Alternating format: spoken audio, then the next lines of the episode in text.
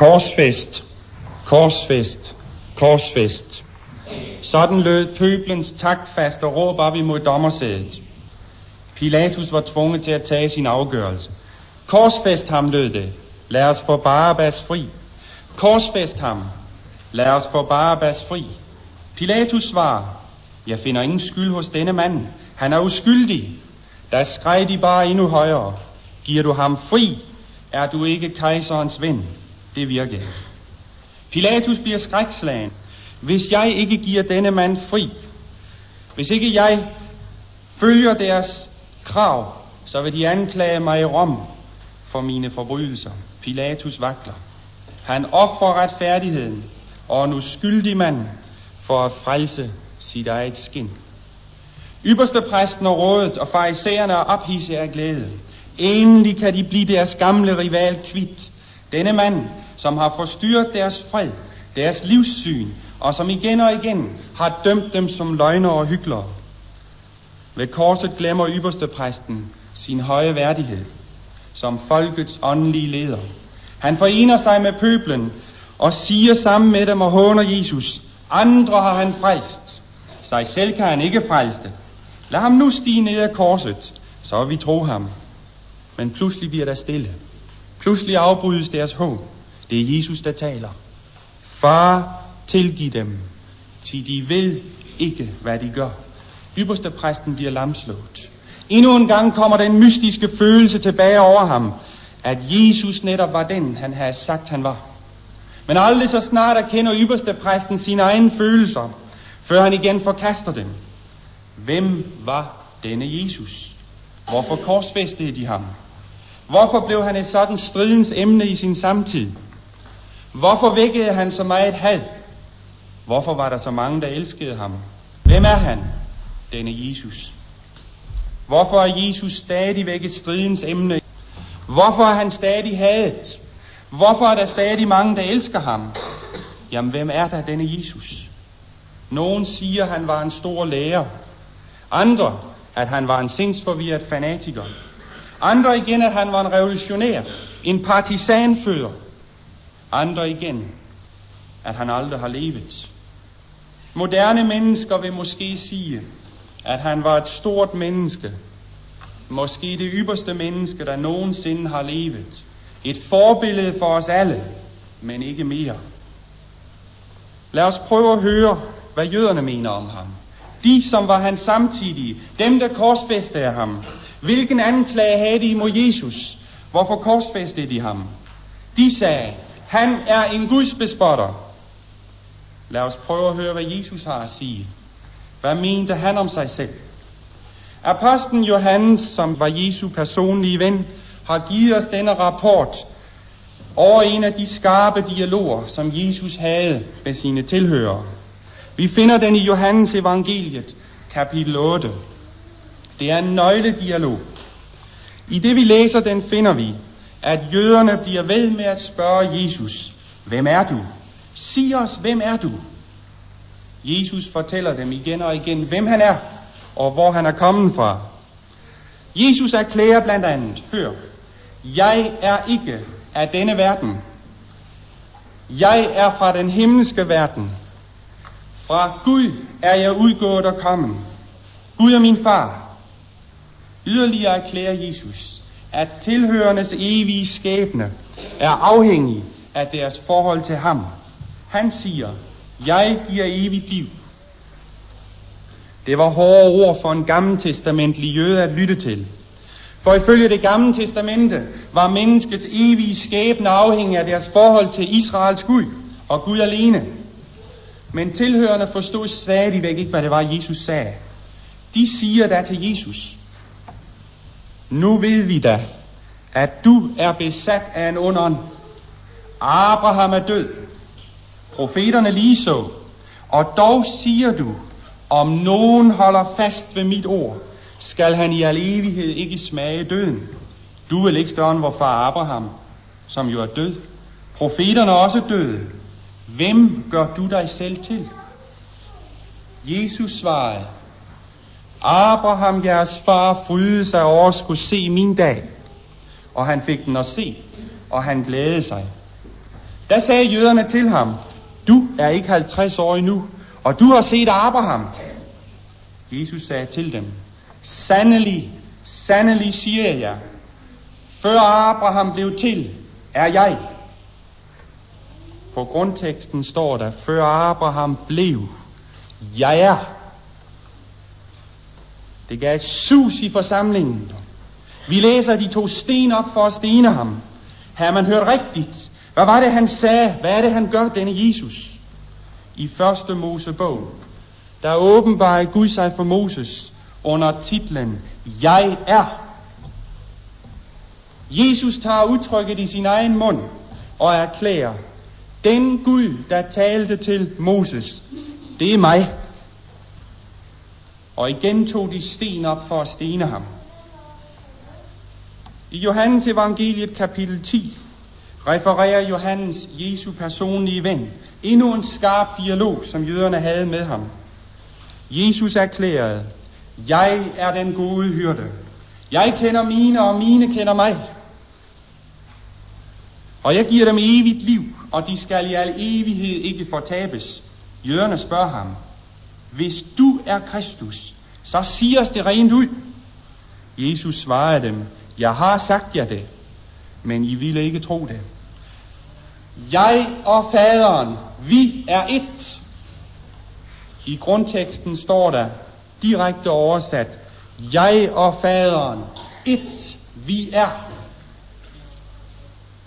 Tilhørende var lamslået. Hvad er det dog, han siger, dette menneske fra Nazareth?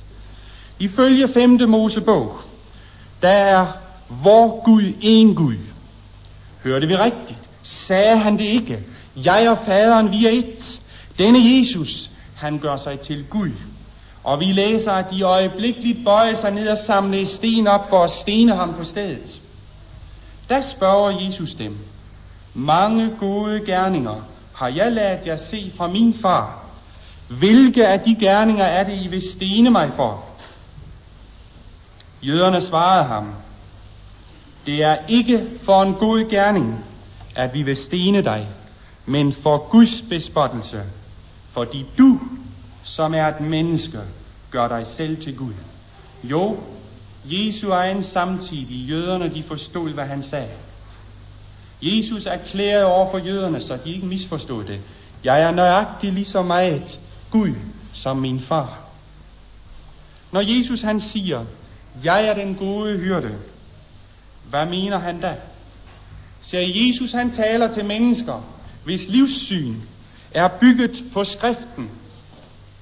Og ifølge skriften, når vi læser den i salme 23, der står der, Herren er min hyrde, mig skal intet fattes. Der står på teksten, Ja, vær min hyrde. Jesus siger, det er mig. Når Jesus siger, jeg er opstandelsen og livet, den som tror på mig, skal leve, om han end dør, så siger han noget, som kun én, der er Gud, kan sige. Når Jesus siger, dine sønner er dig forladt, der gør Jesus noget, som kun én, der er Gud, kan gøre. For Jesus samtidig var det et chok. De var lamslået over Jesus. Det rystede dem. Det var chokerende, hvad han sagde.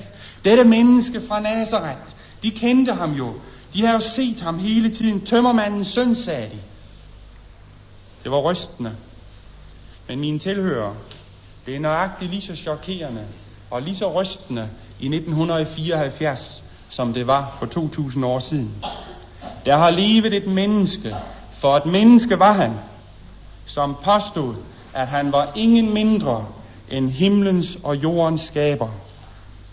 Når vi overvejer det, så er det klart for os alle, at hvis Jesus var, hvad han her sagde, han var, så får det konsekvenser for hele vort livssyn, for vort livsmønster, for vores moral og for vort verdensbillede.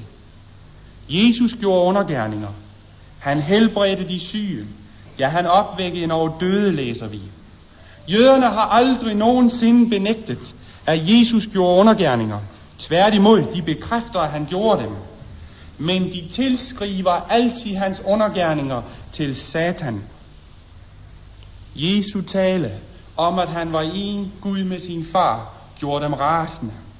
Derfor stod de ved Pilatus' domstol og råbte i kor, korsfest ham, korsfest ham, korsfest ham. Bort med denne Guds bespotter, lad os få Barabbas fri. Jeg kan føle det dramatiske øjeblik, da Kajfas under den afsluttende retshandling rejser sig i hele det jødiske råds påsyn og ser på Jesus i det, han siger. Ifølge Matthæus evangeliet, kapitel 26, vers 63. Jeg tager dig i ed ved den levende Gud. Sig os, om du er Kristus, Guds søn. Jesus siger til ham, du har selv sagt det, men jeg siger jer, herefter skal I se menneskesønnen sidde ved kraftens højre hånd og komme på himlens skyer. Da sønderrev ypperste præsten sin kappe og sagde, han har bespottet Gud. Hvad skal vi mere med vidner? Se, nu har I hørt hans bespottelse. Hvad mener I? Og de svarede og sagde, han er skyldig til døden. Der må have været en stillhed som i en grav. Ikke en lyd er blevet hørt. Alle har stirret på denne mand fra Nazareth. Har de hørt rigtigt? Hvad er det, han gør? Jo, han gør sig til et med vor. Tanken er forfærdende. Denne Jesus siger han ikke, at han er en Gud med sin far. Jo, han gør. Og ypperste præsten sønderriver sine klæder i forfærdelse. Hvilken beslutning de skulle tage. Hvilket dilemma. Hvis Jesus er Gud, så må vi tilbede ham. Det sagde skrifterne. Hvis han ikke er Gud, så er han en Guds bespotter, og der skal han ifølge vor lov dø. Og de valgte alle med en mund at sige, han er skyldig til døden. Jesus blev korsfæstet, fordi han gjorde krav på netop dette, at han var en Gud med sin far. Er Jesus Gud, så betyder det følgende, at det moderne verdensbillede, som vi er så glade for, det er forkert. Forkert i sin lære om, at alt har udviklet sig gradvist. Forkert i sit syn på mennesket. Forkert i sin moral. Forkert i sit syn på Bibelen. Forkert i livsmål og livsværdier.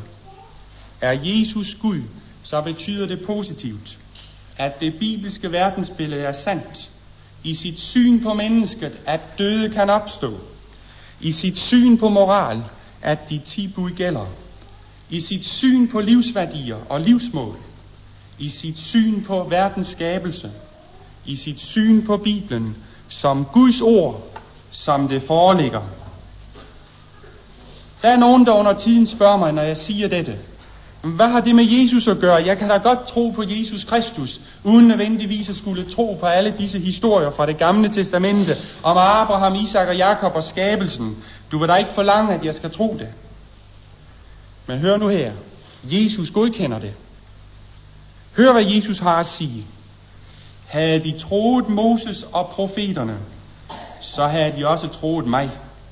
Tror de ikke Moses og profeterne, så tror de heller ikke om en død opstår. Jesus siger med andre ord, at det Moses sagde, det står ved magt. Det er sandt. En anden gang sagde Jesus, har jeg aldrig læst, hvad Esajas skriver? Tit når han mødte dem, sagde han, hvordan læser I? Til djævlen under fristelsen svarede han, der står skrevet. I bjergprægnen erklærer Jesus oven i købet, at ikke en tødel eller et bogstav af loven skal forgå.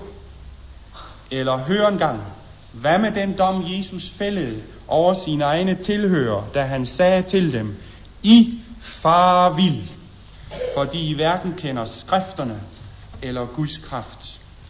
Jo, Jesus, han godkender skrifternes fulde autoritet. Men Jesus går videre. Han anerkender skabelsen, som den foreligger i Bibelen. Han anerkender, at det er en korrekt beskrivelse af, hvordan verden blev til. Hør, hvad Jesus har at sige. Har I aldrig læst, at skaberen fra begyndelsen skabte dem som mand og kvinde? Jesus godkender altså med andre ord skabelsen. Eller hør en gang, hvad han sagde om hviledagen. Sabbaten blev til for menneskets skyld, og ikke mennesket for sabbatens skyld. Altså er menneskesønnen herre over sabbaten. Så Jesus han henviser til de første kapitler i Mosebogen. Og han siger indirekte ved at gøre sig selv til sabbatens herre, at det er mig, der er skaberen. Hvis Jesus er Gud, så er du og jeg tvunget til at acceptere Bibelen, som den foreligger helt og fuldt. For Jesus godkender den. Du kan ikke fastholde troen på en guddommelig Jesus, der har taget fejl vedrørende skriften. Det er en selvmodsigelse, det kan ikke lade sig gøre. Hvis du bliver bibelkritiker, så bliver du også kristuskritiker. De, der benægter Bibelens sandfærdighed, benægter normalt samtidig Jesu guddommelighed, hvis de er logiske og konsekvente. De, der accepterer Jesu guddommelighed, må nødvendigvis samtidig acceptere, at Bibelen er Guds åbenbaring. Vort bibelsyn er i lighed med apostlenes bygget på vort Kristussyn. Det er fordi vi anerkender Jesu autoritet og krav på at være guddommelige, at vi erkender Bibelens autoritet, livssyn og moral. Som kristne har vi taget den radikale konsekvens af vores syn på Jesus Kristus. Alt hvad vi tror og bekender og gør, er grundet på Jesu autoritet. Hvad Jesus godkendte, kan du og jeg ikke forkaste eller regne for betydningsløst.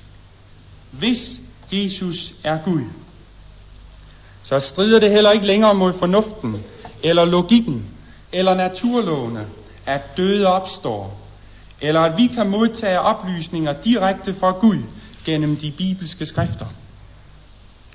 Det moderne menneske har analytisk vej forsøgt at besvare spørgsmålet, er der en Gud, eller er der ikke?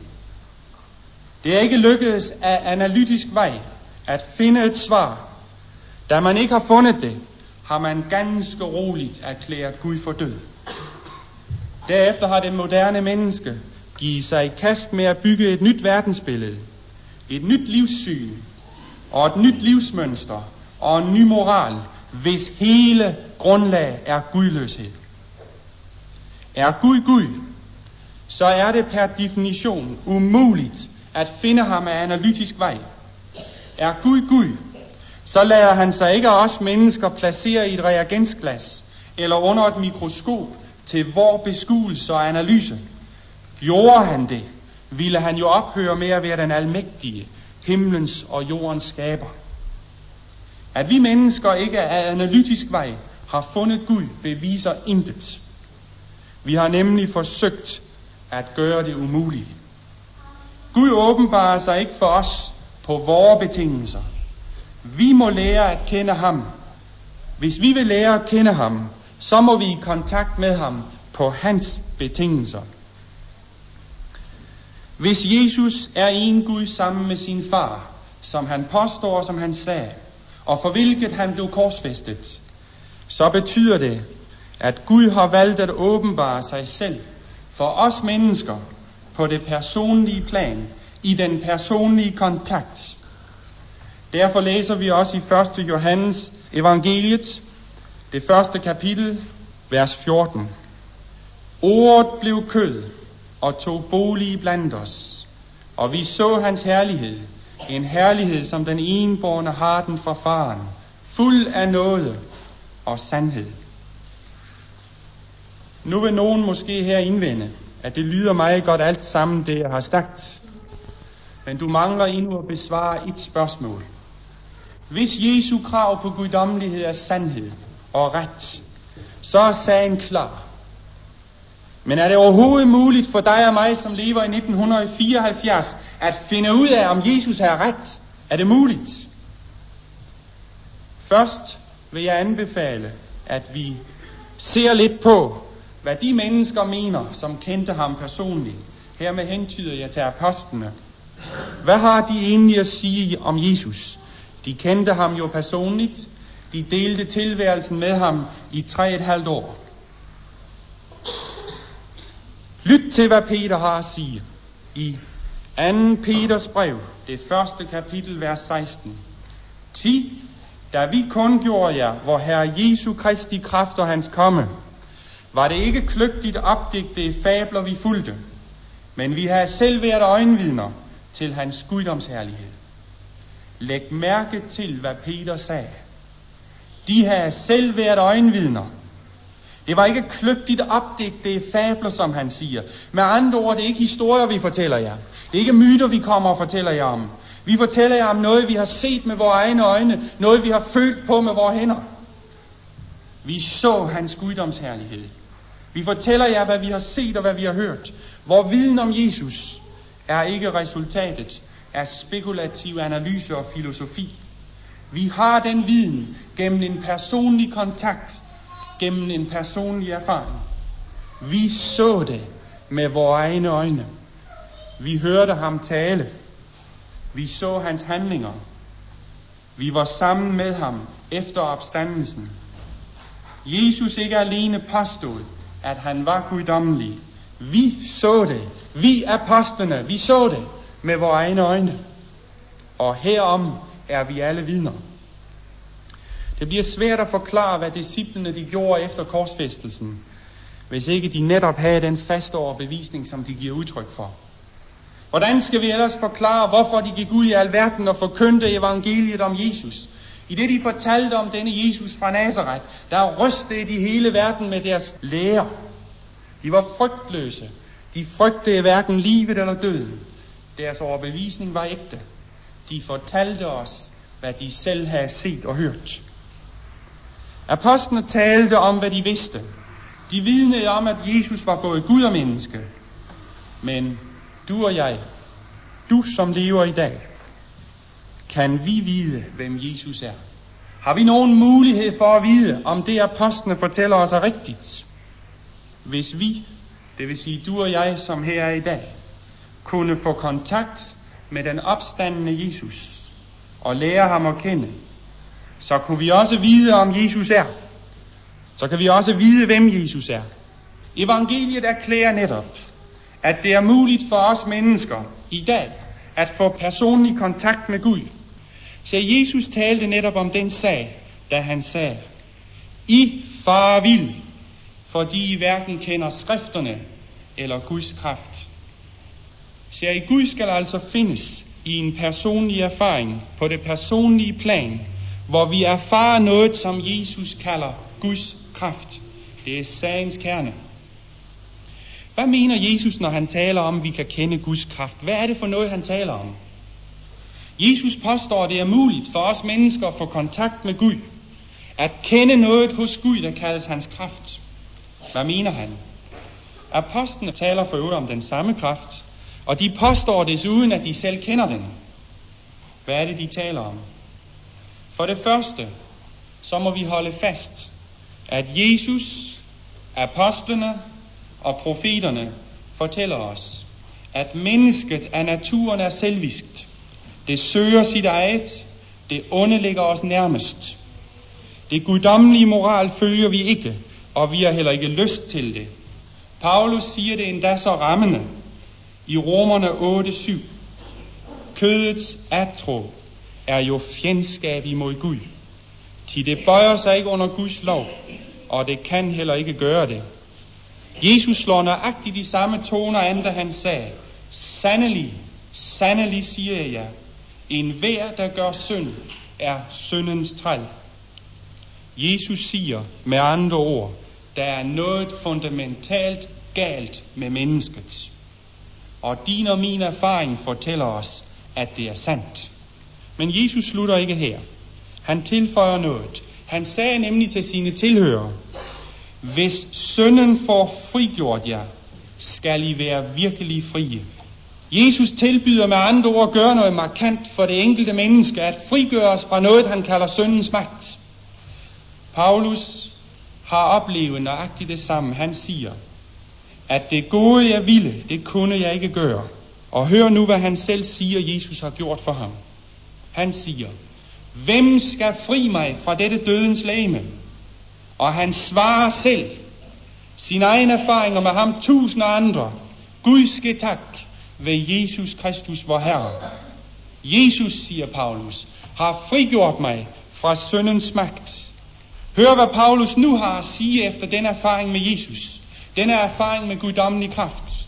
Han siger i Galaterne 2.20, det er ikke længere mig, der lever, men det er Kristus, der lever i mig. Og det liv, jeg nu lever, lever jeg i troen på Guds søn.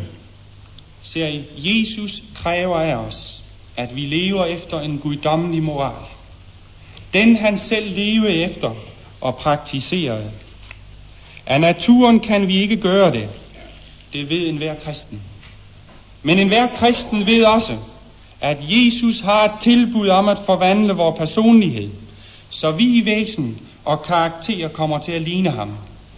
En kristen er et menneske, der lever ved en guddommelig kraft efter en guddommelig moral.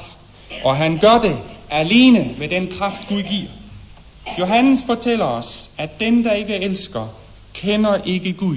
Til Gud er kærlighed. Det er den moral, vi taler om. Det er den guddommelige moral, vi taler om. At elske sin Gud af hele sit hjerte og sin næste som sig selv. Det er her det vigtige ligger, og det er her det centrale punkt er. Det er noget, som vi mennesker kun kan gøre ved guddommelig kraft. Og det var også det, Jesus talte om til sine tilhører, da han sagde, I far vild, fordi I hverken kender skrifterne eller Guds kraft.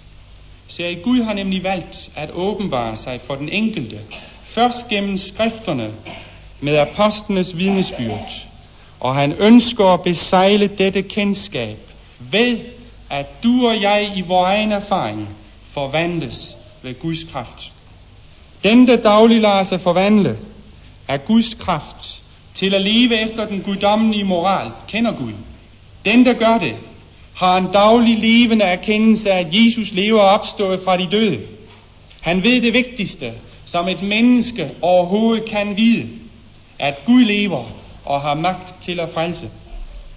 Gud har valgt at møde mennesket netop på det personlige plan. Vi lærer nemlig først om Jesus gennem skrifterne. Derefter får vi vores erfaring og vores viden besejlet gennem Guds kraft. Derfor hvis du og jeg ønsker at kende Gud, så må vi acceptere Guds betingelser og prøve evangeliet efter i vores egne liv. Kun den, der er villig til at prøve evangeliet i sit eget liv, kan vide noget om Gud. Den, der ikke prøver evangeliet i sit eget liv, ved intet om kristendom. Jesus vækker stadig til modsigelser og had. Hans guddomskrav forstyrrer stadig vor fred, vor livsstil, vor gudløshed og vor mangel på moral. Han er en stadig dom over vores selviskhed. Vort valg i dag er det samme som jødernes. Vil du lære ham at kende på hans betingelser, eller vil du ikke? Vil du lære ham at kende først gennem skrifterne og apostlenes vidnesbyrd, og derefter gennem Guds kraft? Vil du prøve evangeliet i dit eget liv, eller vil du afvise det uden at prøve? Vil du korsfeste Jesus, eller vælger du at tilbede ham? Vi ved som kristne, at Jesus Kristus er Gud lige så helt og fuldt som faren og den hellige ånd. Vi ved, at han lever i dag, fordi vi dagligt kan erfare ham personligt og erfare hans nyskabende, forvandlende kraft i vores liv. På det grundlag ved vi, at Bibelen er Guds ord til menneskene.